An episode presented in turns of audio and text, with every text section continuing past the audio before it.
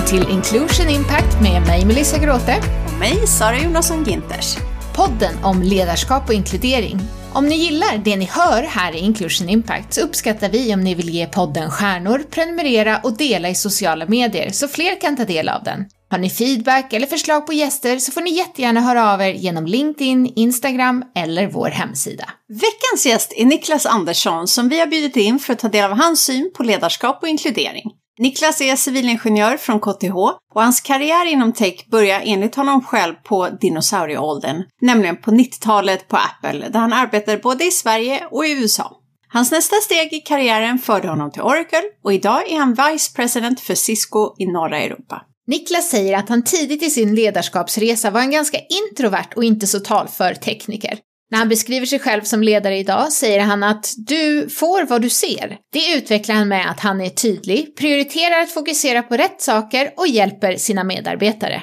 Niklas återkommer under samtalet till att använda empati som en superkraft i ledarskapet. Något han själv har fått arbeta med och öva mycket på under åren. Han säger själv att det inte kommer naturligt för honom och att det är något han än idag fokuserar mycket på. Han är öppen med att det inte alltid är lätt, men enda sättet att bli bättre, det är att ta sig tid och att öva. Han sticker inte under stolen med att det är svårare att leda team med mycket mångfald, men att fördelarna är bättre och mer dynamiska beslut. I beslutsfattande så använder han vad han kallar utropstecken, frågetecken, utropstecken som ni får höra mer om i avsnittet och som hjälper honom att utmana hans förutfattade meningar och att mer aktivt lyssna in sina medarbetare. Nu hälsar vi dig välkommen till ett personligt och öppet samtal med Niklas som är en perfekt gäst i veckans avsnitt av Inclusion Impact som är inspelat i Zoom.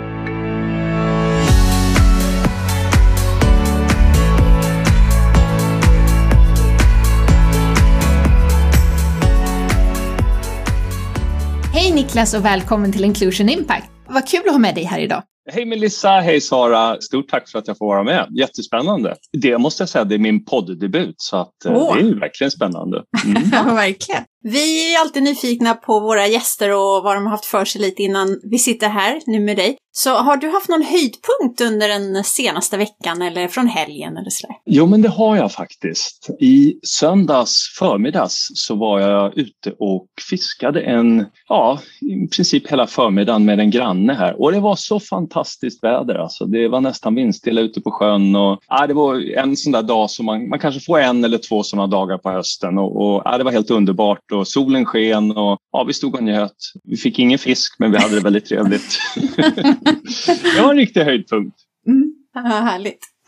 Vi kommer ju prata mer om ledarskap och inkludering i den här podden, men skulle du kunna börja med att berätta både vad du gör idag och lite vad din bakgrund är? Mm, kan jag göra. Så idag ansvarar jag för Cisco i norra Europa. Norra Europa för, för Cisco är 11 länder, så är det de tre baltiska länderna, det är Finland, det är Sverige, Norge, Danmark, det är Belgien, Luxemburg, Nederländerna och så bör jag inte glömma Island heller för då blir alltid någon lite ledsen. Så det, det är de länderna tekniker i bakgrunden, så, så civilingenjör från KTH, datatekniker. Bestämde mig tidigt att jag ska inte ge mig in på en programmeringsbana utan började faktiskt på Apple med programvara. Jobbade med översättning av Apples operativsystem till svenska marknaden. Det här är liksom på dinosaurietiden kan man eh, nästan säga. Det var 1990 så att det, det, var ganska länge sedan. Jag jobbade ett par år i USA för Apple på forskning och utvecklingen där. Fantastiskt spännande och stimulerande. Hade två små barn med mig till USA och frun förstås. Så vi spenderade två år där. Kom tillbaka 96. Började på Oracle. Jobbade på Oracle i 12 år. Slutade 2008. På Oracle jobbade mycket med försäljning. Det var mitt första försäljningsjobb. Jobbade med eh, ja, infrastrukturprodukter, databaser, applikationsservrar, affärssystem, den typen av delar. Blev approcherad av Cisco 2008 och fick möjligheten att börja som landschef på Cisco. Ganska tuff tid de två första åren faktiskt. Det var precis när finanskrisen slog till och Lehman Brothers kurs i september 2008. Jag kom in där och ja, det, det, det var svårt att, liksom med, med businessen då i och med att alla höll i pengarna och sådär. Och ett nytt ledningsgrupp blev liksom lite insatt från luften ner i, i Cisco Sverige. Spännande resa. Ja, så jag var Sverigechef i åtta år och har väl gjort det här jobbet som ansvarig för norra Europa i drygt fyra och ett halvt år.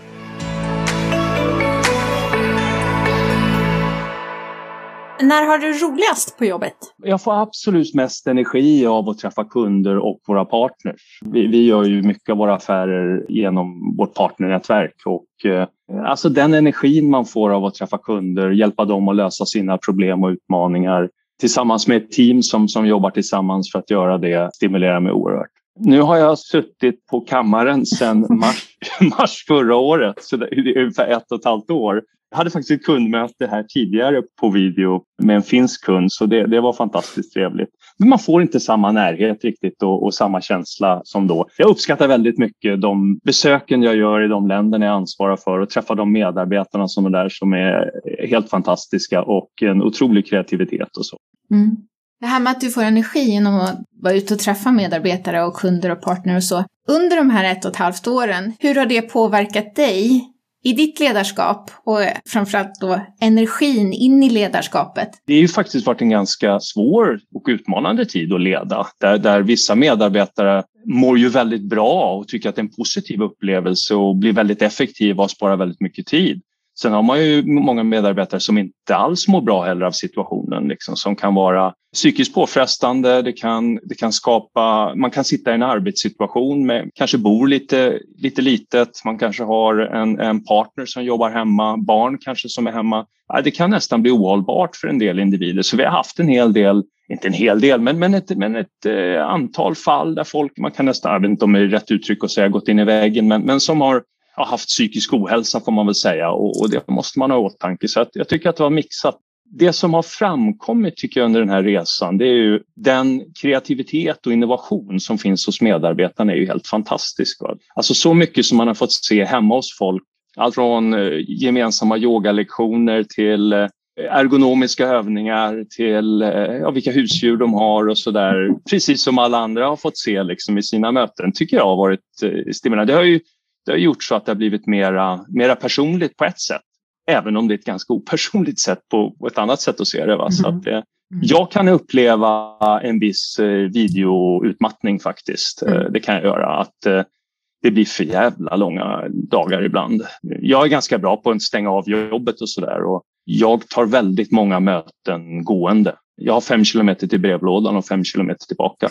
Det är en och en halv timmes samtal det, det, är inte att rekommendera om man har möten med många, men har man liksom enskilda medarbetarsamtal, jättebra, fantastiskt bra. Mm.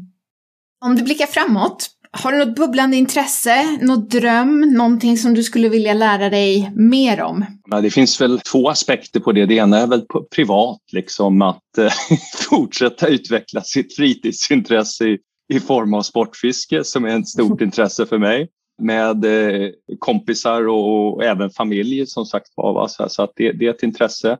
Så det intresserar jag mig för. Jag är ingen golfspelare men jag och min fru har sagt att vi kanske ska börja på liksom, och, och odla det intresset lite grann. Vi har börjat försöka men, men jag kan inte säga att våran ihärdighet är speciellt stor just nu. Men det är någonting som jag skulle vilja lära mig. Man måste nog över en liten tröskel innan det funkar. Mm. Jobbmässigt så, ja, även privat så är jag väldigt intresserad av det här med hållbarhet och, och, hur vi kan driva det som bolag. Jag tror väldigt mycket på att teknik kan lösa många av världens problem faktiskt när det gäller att skapa ett håll, en hållbarare planet helt enkelt. Och det är väldigt mycket diskussioner både på landsnivå, och när jag pratar jag liksom, jag menar vi har haft val i Norge precis, det har precis varit val i Tyskland. Men det är mycket dialog om, om hur man ska ja, skapa ett hållbart samhälle. EU sätter riktlinjer för målsättningar med sin Green Deal och, och även lagstiftning som man gör inte. Det här påverkar ju företag som ska göra affärer i EU-zonen och även länder utanför EU. Här kan Cisco göra ett väldigt intryck och eh, det är någonting som jag brinner för och driver hårt internt också hur vi kan göra det. Coolt!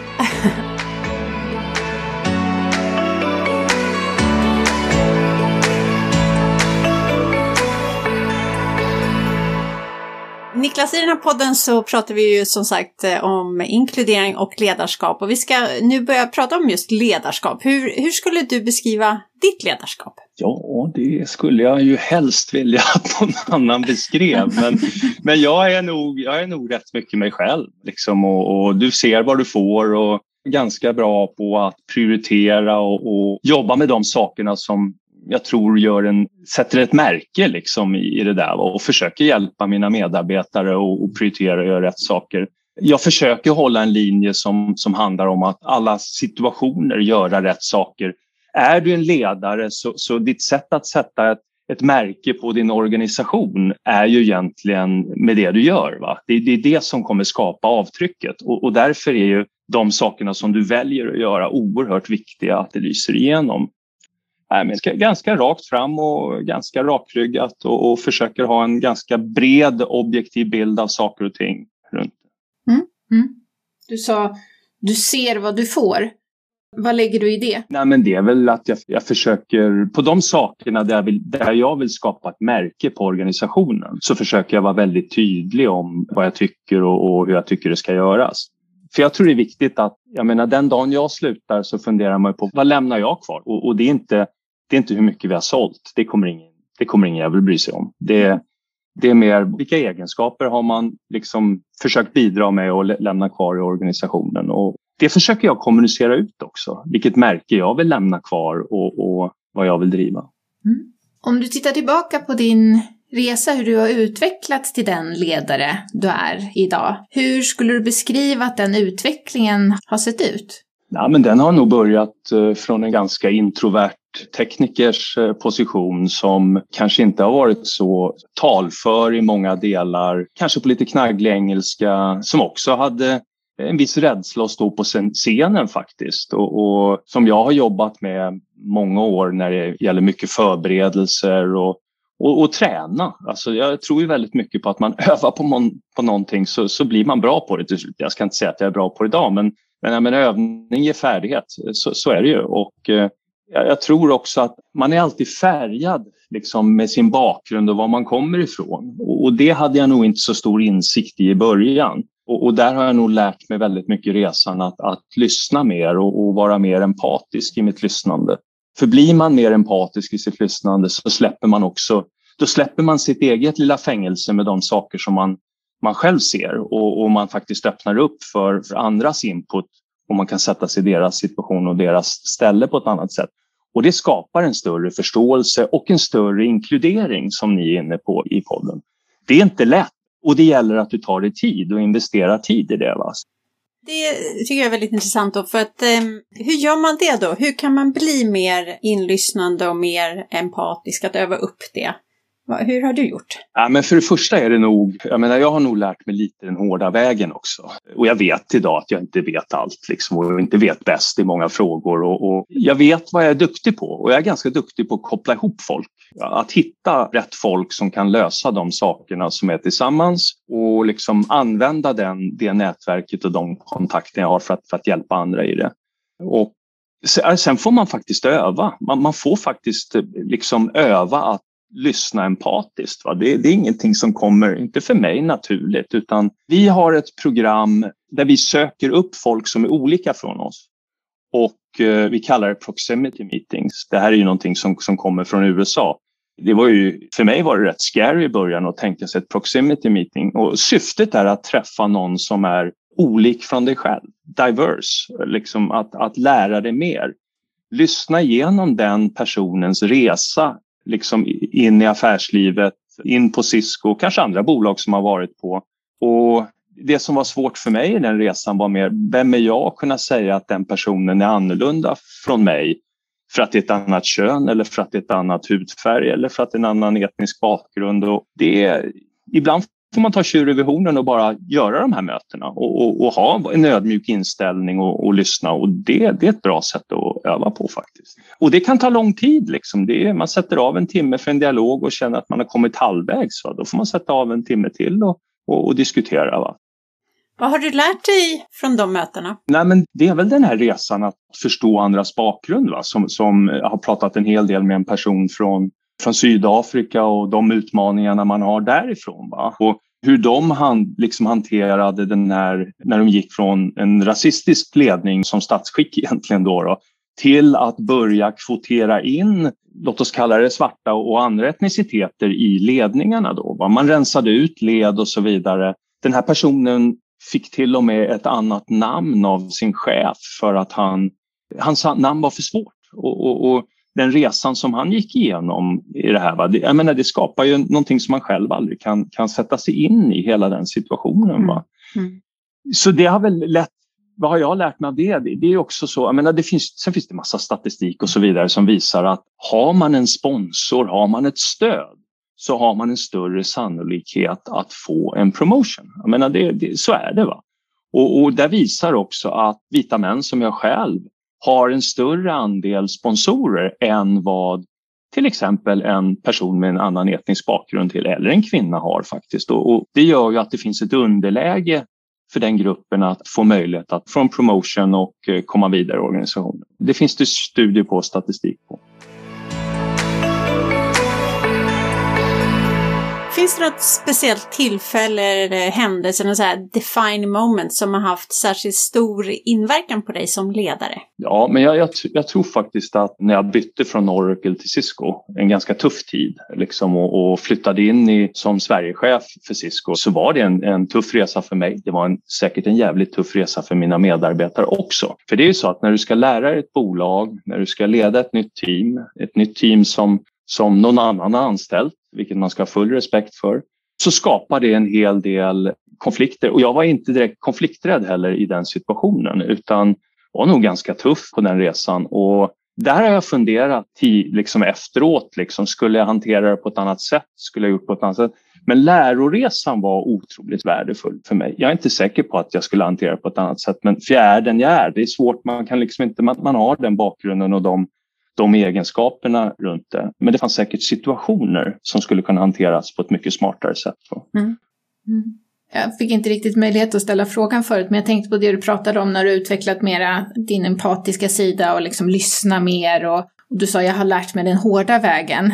Jag tänkte om du har stött på några situationer i samband med det? Man har ju alltid ett bagage med sig när man går in i möten, när man har, ja, ska, ska fatta beslut om olika saker och, och där har det ju ofta, eller har ju säkert skett många gånger tidigare, att, att saker har gått för fort för att jag trott att det var, var rätt. Va? Och jag, jag, jag, skapade en bild för mig själv efter en, ett antal sådana resor. Och jag, jag, vet att jag inte är specifik här, men, men jag, brukar säga att, jag brukar säga att utropstecken, ett frågetecken, ett utropstecken. Och, och, för mig beskriver det lite grann att utropstecknet är min, min egen känsla och inställning och, och bakgrund när jag ska gå in och ta en diskussion. Det kan vara en svår diskussion, kan vara någonting som vi i en ledningsgrupp behöver fatta beslut om. Men jag har en väldigt förutfattad mening om det liksom, som bygger på min bakgrund och historik. Frågetecknet uppstår när man i dialogen har fått med alla medarbetare och fått, fått in all input och, och, och kunna lyssna av och så vidare. Och frågetecknet är ju som uppstår hos mig själv när jag känner att nej, men jag kanske inte var rätt i början på min väg där utan frågetecknet skapar en, en ny diskussion och en, en, en, ny möjlighet framåt. Och det slutar i ett utropstecken som är ett annat utropstecken än det första och, och leder till ett, ett, bättre beslut helt enkelt för att ha lyckats ta in och få, få den inputen. Och det finns det ju många tillfällen på och mitt tillvägagångssätt idag är mycket mer fundera inte på att lösa problemet. Ta upp problemet och låt det gå tid så kommer det bra lösningar ur den tiden. Och det är ganska skönt faktiskt att känna det, att man behöver inte som, som ledare ha svaren utan det kommer många bra svar i dialogen med dina medarbetare som kan sedan formuleras till ett bra beslut.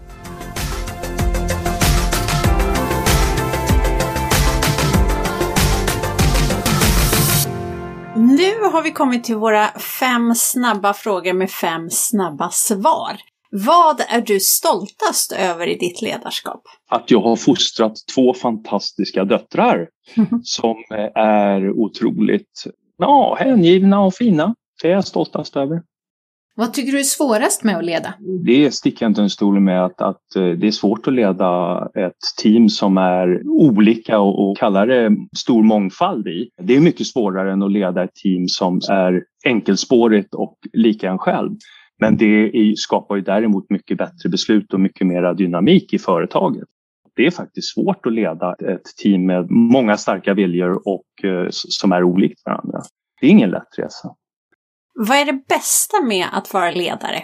Ja, men det är otroligt belönande också med att eh, få support från team och medarbetare. Du ser individer som lyckas, team som lyckas. Så, så det tycker jag är, är oerhört belönande. Vad behöver du från din chef? Jag behöver 100% support. Att liksom, jag vet att min chef har min rygg när jag gör saker och jag inte behöver fundera på det. Och då behöver jag inte heller känna mig orolig för vad jag gör och vad jag säger, utan jag vet att hon har min rygg. Finns det någon ledare som du inspireras av och i sådana fall varför?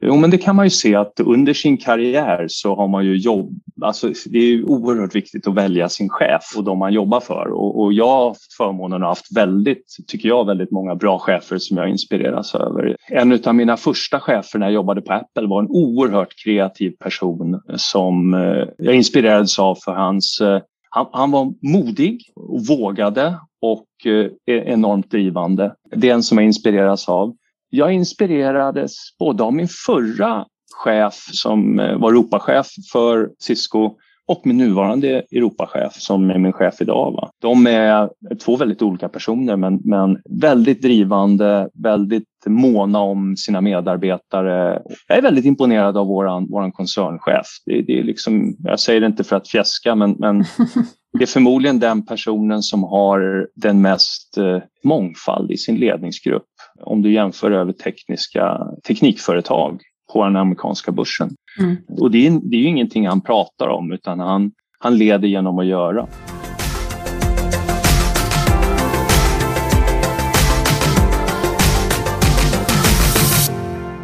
Med det så kommer vi in på poddens andra tema som är mer kring inkludering. Och börja med att fråga dig, vad är inkludering för dig om du skulle beskriva inkludering? Ja, men inkludering är att eh, alla får göra sin röst hörd när man träffas och när man har möten. Alla får vara med på lika villkor. Det är lätt att hamna i en situation där folk känner sig exkluderade för att man, man inte tänker tillräckligt brett när man ska göra någonting.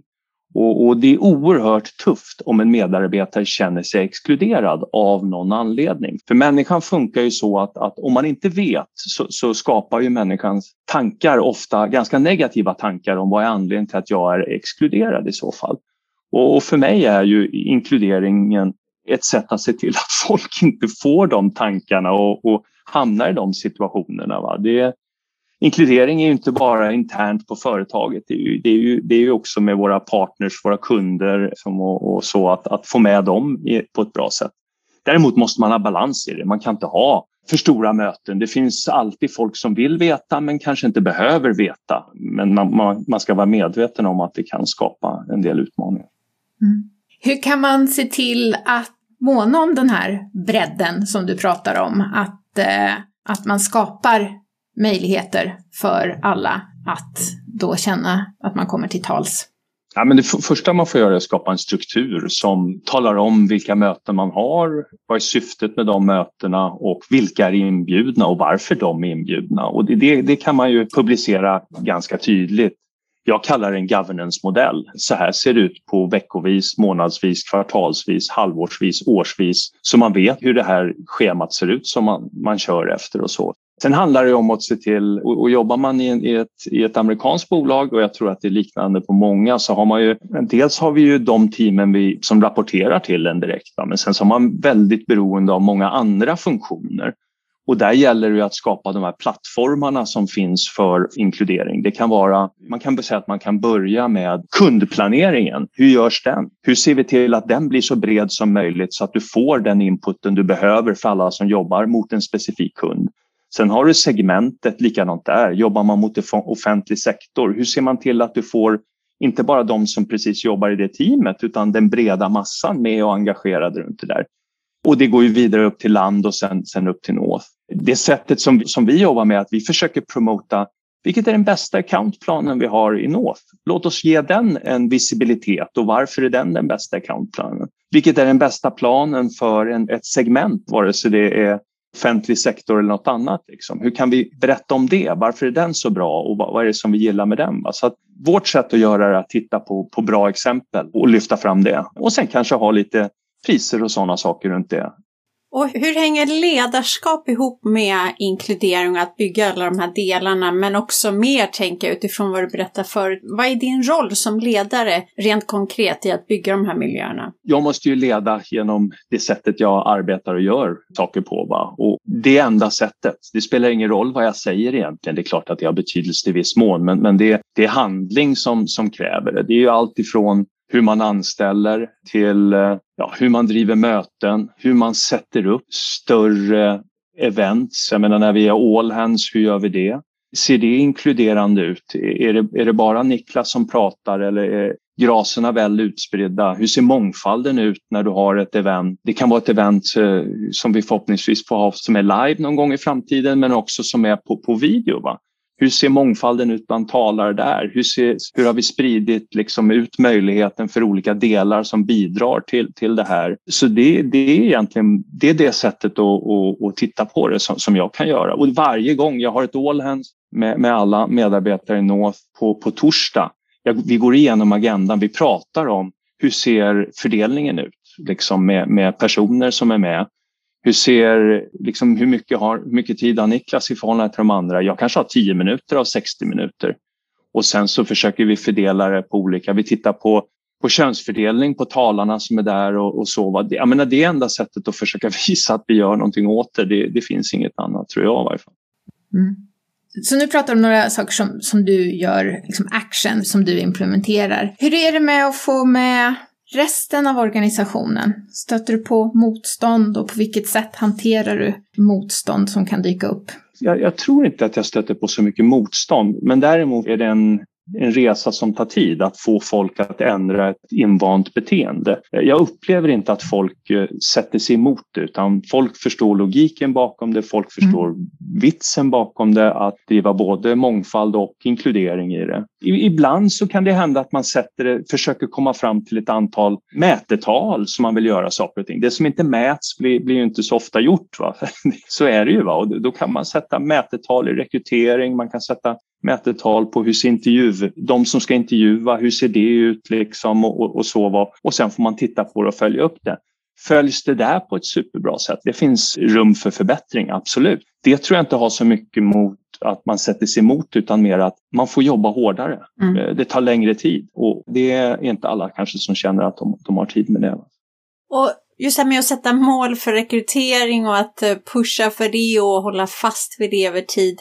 För just rekrytering är ju ofta ett område som behöver gå snabbt och man har inte tid och sådär. Men, men hur tar man sig igenom det då? Återigen din roll som ledare i det. Hur får du med de andra på tåget där? Det är en bra fråga och det ska jag nog vara ärlig och säga att vi har nog inte alla med på tåget. Jag tror alla gör bra rekryteringar men kanske inte skapar den mångfald och inkludering som vi behöver som bolag för att ja, bli en bättre arbetsplats och alltså skapa bättre affärer. För ett antal år sedan, jag tror att jag var ganska ny i den här rollen, så samlade min ledningsgrupp och vi hade en diskussion om rekrytering och, och vi kom överens om ett mål faktiskt som vi kallade 80-50-50. Det, det, här är oerhört känsligt. Det här är ingenting som personalavdelningar gillar. Du får liksom inte, du får inte kvotera på det sättet. Du får inte tänka på det sättet och, och så vidare. Va? Och, men gör man en stor transformation av företaget måste man också titta lite på, på hur man rekryterar. Då, va? Så 80 sa, för oss det betydde ja, men vi, vi behöver också stärka vår organisation med folk som, som vi kallar då early career, alltså folk som, som är, är yngre och så vidare. Va? Det får inte gubba till sig för mycket helt enkelt. Så det var den första 80. 50 eh, procent var vi behöver mer personer som har en programvarubakgrund. Vi har gjort en gigantisk transformation mot programvara och skulle väl kunna klassas idag som kanske 56 största programvarubolaget i, i världen. Och då måste vi titta på vilken pool vi rekryterar med. Så att vi, vi, kan göra jättemycket transformation med våra befintliga personer men du måste också krydda det med, med extern kompetens för att göra den resan. Och sen så kom vi överens om att 50 ska vara kvinnor. Och det här är ju känsliga saker liksom att säga. Va? Det här är ingenting som säger att liksom, vi, vi mäter det varje kvartal. Vi mäter det fortfarande varje kvartal. Så jag hade förra veckan möte med vår rekryteringsansvarig som tittar på procentfördelningen i de här tre buckets som vi har. Vi kom också överens om att vi ska göra ett nytag runt det här. Ny diskussion i ledningsgruppen och se över det här. För det är ju så att vårt mål är ju alltid att anställa den bästa personen för jobbet. Sen om man har två lika kandidater så kan man också titta på andra parametrar som är viktiga för bolaget att få in i organisationen för att bli ett bättre företag, för att bli en bättre arbetsplats helt enkelt. Så det är en resa. Alltså. Har vi varit framgångsrika? Jag tror, tror vissa delar har, har gjorts bra, vissa delar har en klar förbättringspotential fortfarande. En annan sak som är viktig att tänka på det är när man rekryterar. Alltså dels så vill man ju ha en så stor mångfald som möjligt i de som vill ha jobbet. Men det är lika viktigt att ha en stor mångfald i de som intervjuar. För det finns det ju också statistik på att man anställer hellre en person som är mer lik en själv.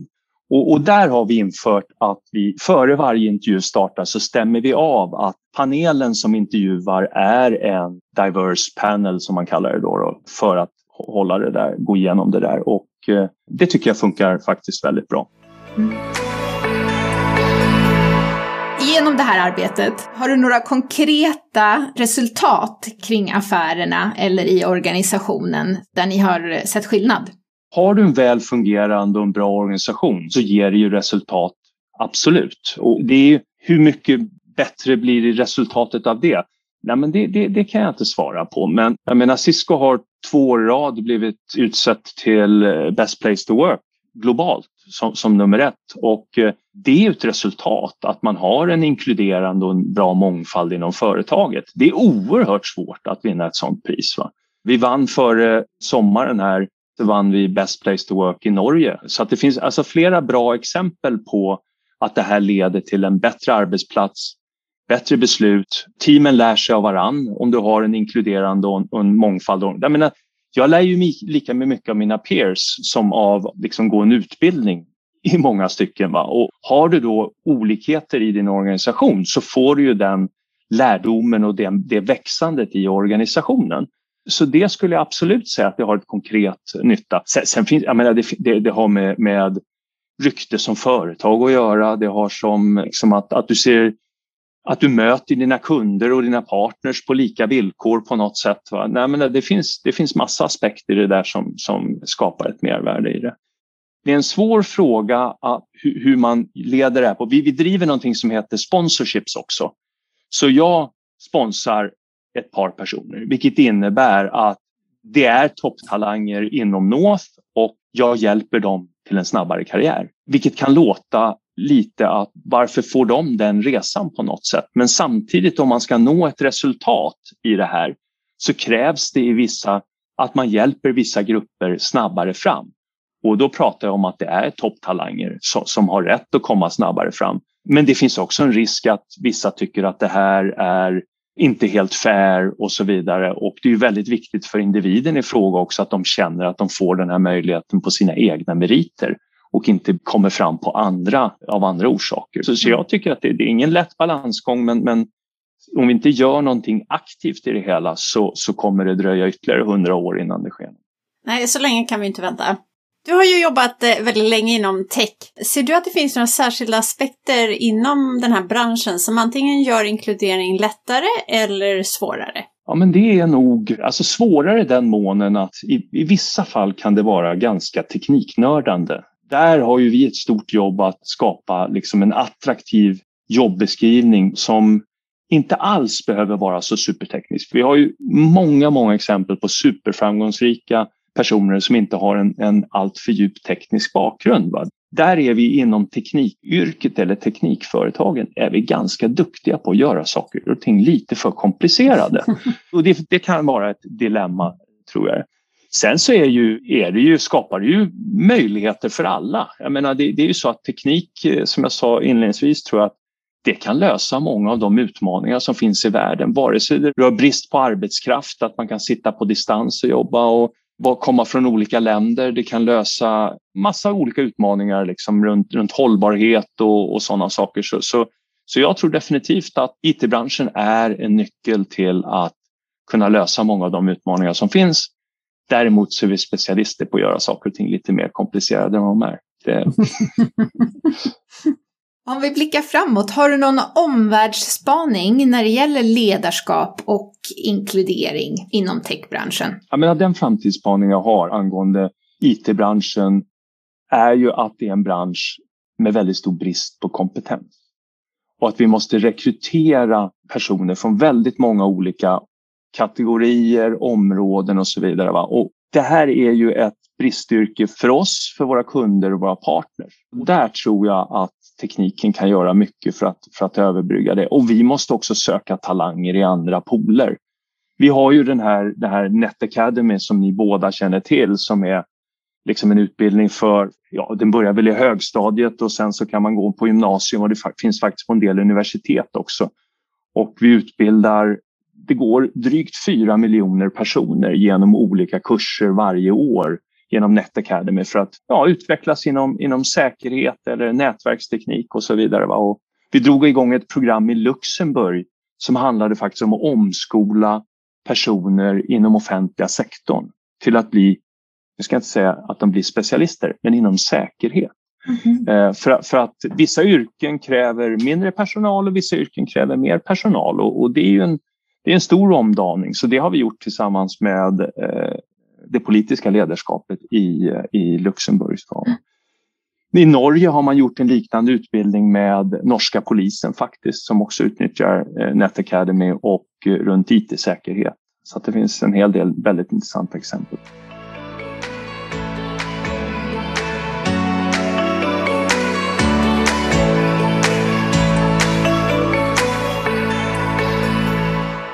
Vi ska börja runda av den här intervjun nu och då avslutningsvis vill vi fånga upp dina key insights som ledare inom tech. Så vad är dina tre bästa tips eller råd för ökad inkludering? Var modig i din rekrytering. Se till att du har en mångfald i de som kommer och eh, söker på jobben och ja, verkligen se till att, att du, du tar det åt dig och gör det till en möjlighet.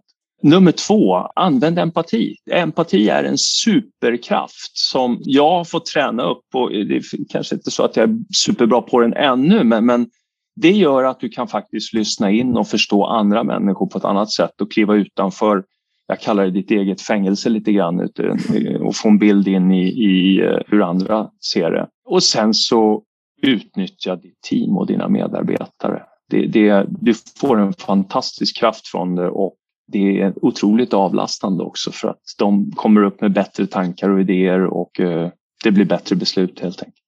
Tre jättebra tips. Har du något avslutande sånt här vardagstips som alla som lyssnar på podden skulle kunna ta med sig ut och börja göra redan idag för att bli mer inkluderande? Nej, men mitt vardagstips är ju liksom att använda den här empatin också i ditt privata liv lite grann. Jag menar, lägg lite tid och lyssna på andra. Klarar man av att utöka sin bekantskapskrets som man har haft i, i 15-20 år liksom, till, till lite nya bekantskaper?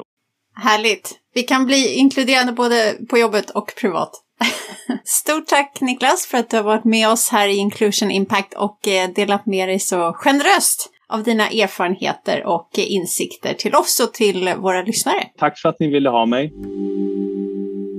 Sara, inkluderande rekrytering som Niklas flera gånger pratade om, det är en av dina expertområden. Så vilka ytterligare bra tips på det temat skulle du kunna skicka med till våra lyssnare? Ja, rekrytering är ett så spännande område när vi eh, vill bygga mer mångfaldsrika och inkluderande organisationer. Och det finns mycket att göra inom det området, men det absolut största medskicket jag vill ge våra lyssnare, det är att ta sig tiden att mångfaldssäkra rekryteringsprocessen. Det vill säga, sätta sig ner och gå igenom processen steg för steg, hur den ser ut idag. Identifiera var finns det kanske fallgropar? Det vill säga, låter vi våra omedvetna fördomar eller förutfattade meningar eller stress eller annat påverka hur vi rekryterar och därmed också begränsa oss i rekryteringarna?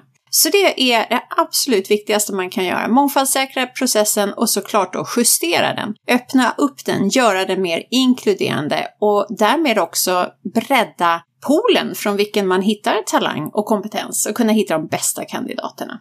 Bra tips! Ja! Men du Melissa, vi pratade ju också en hel del om empati med Niklas och han var öppen med att han har behövt öva på det. Mm, det var en av favoritdelarna i dagens samtal för min del. Att han var så pass öppen och att det inte kommer naturligt och att han har fått lära sig den hårda vägen och framförallt att han har tagit sig tid och att han övar.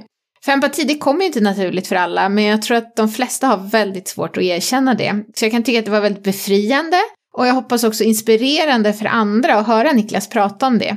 För att kunna börja jobba på att förändra beteenden så är ju första steget att man erkänner att man har någonting som man vill jobba på. Och det är en tröskel som jag hoppas blev lite lägre och avdramatiserades under samtalet. Ja, men det tror jag. Och det var väldigt fint att prata just om empati med Niklas tycker jag. Mm, annat perspektiv. Ja. Tack för att du har lyssnat på det här avsnittet av Inclusion Impact med vår gäst Niklas Andersson och mig, Sara Jonasson Ginters. Och mig, Melissa Groth.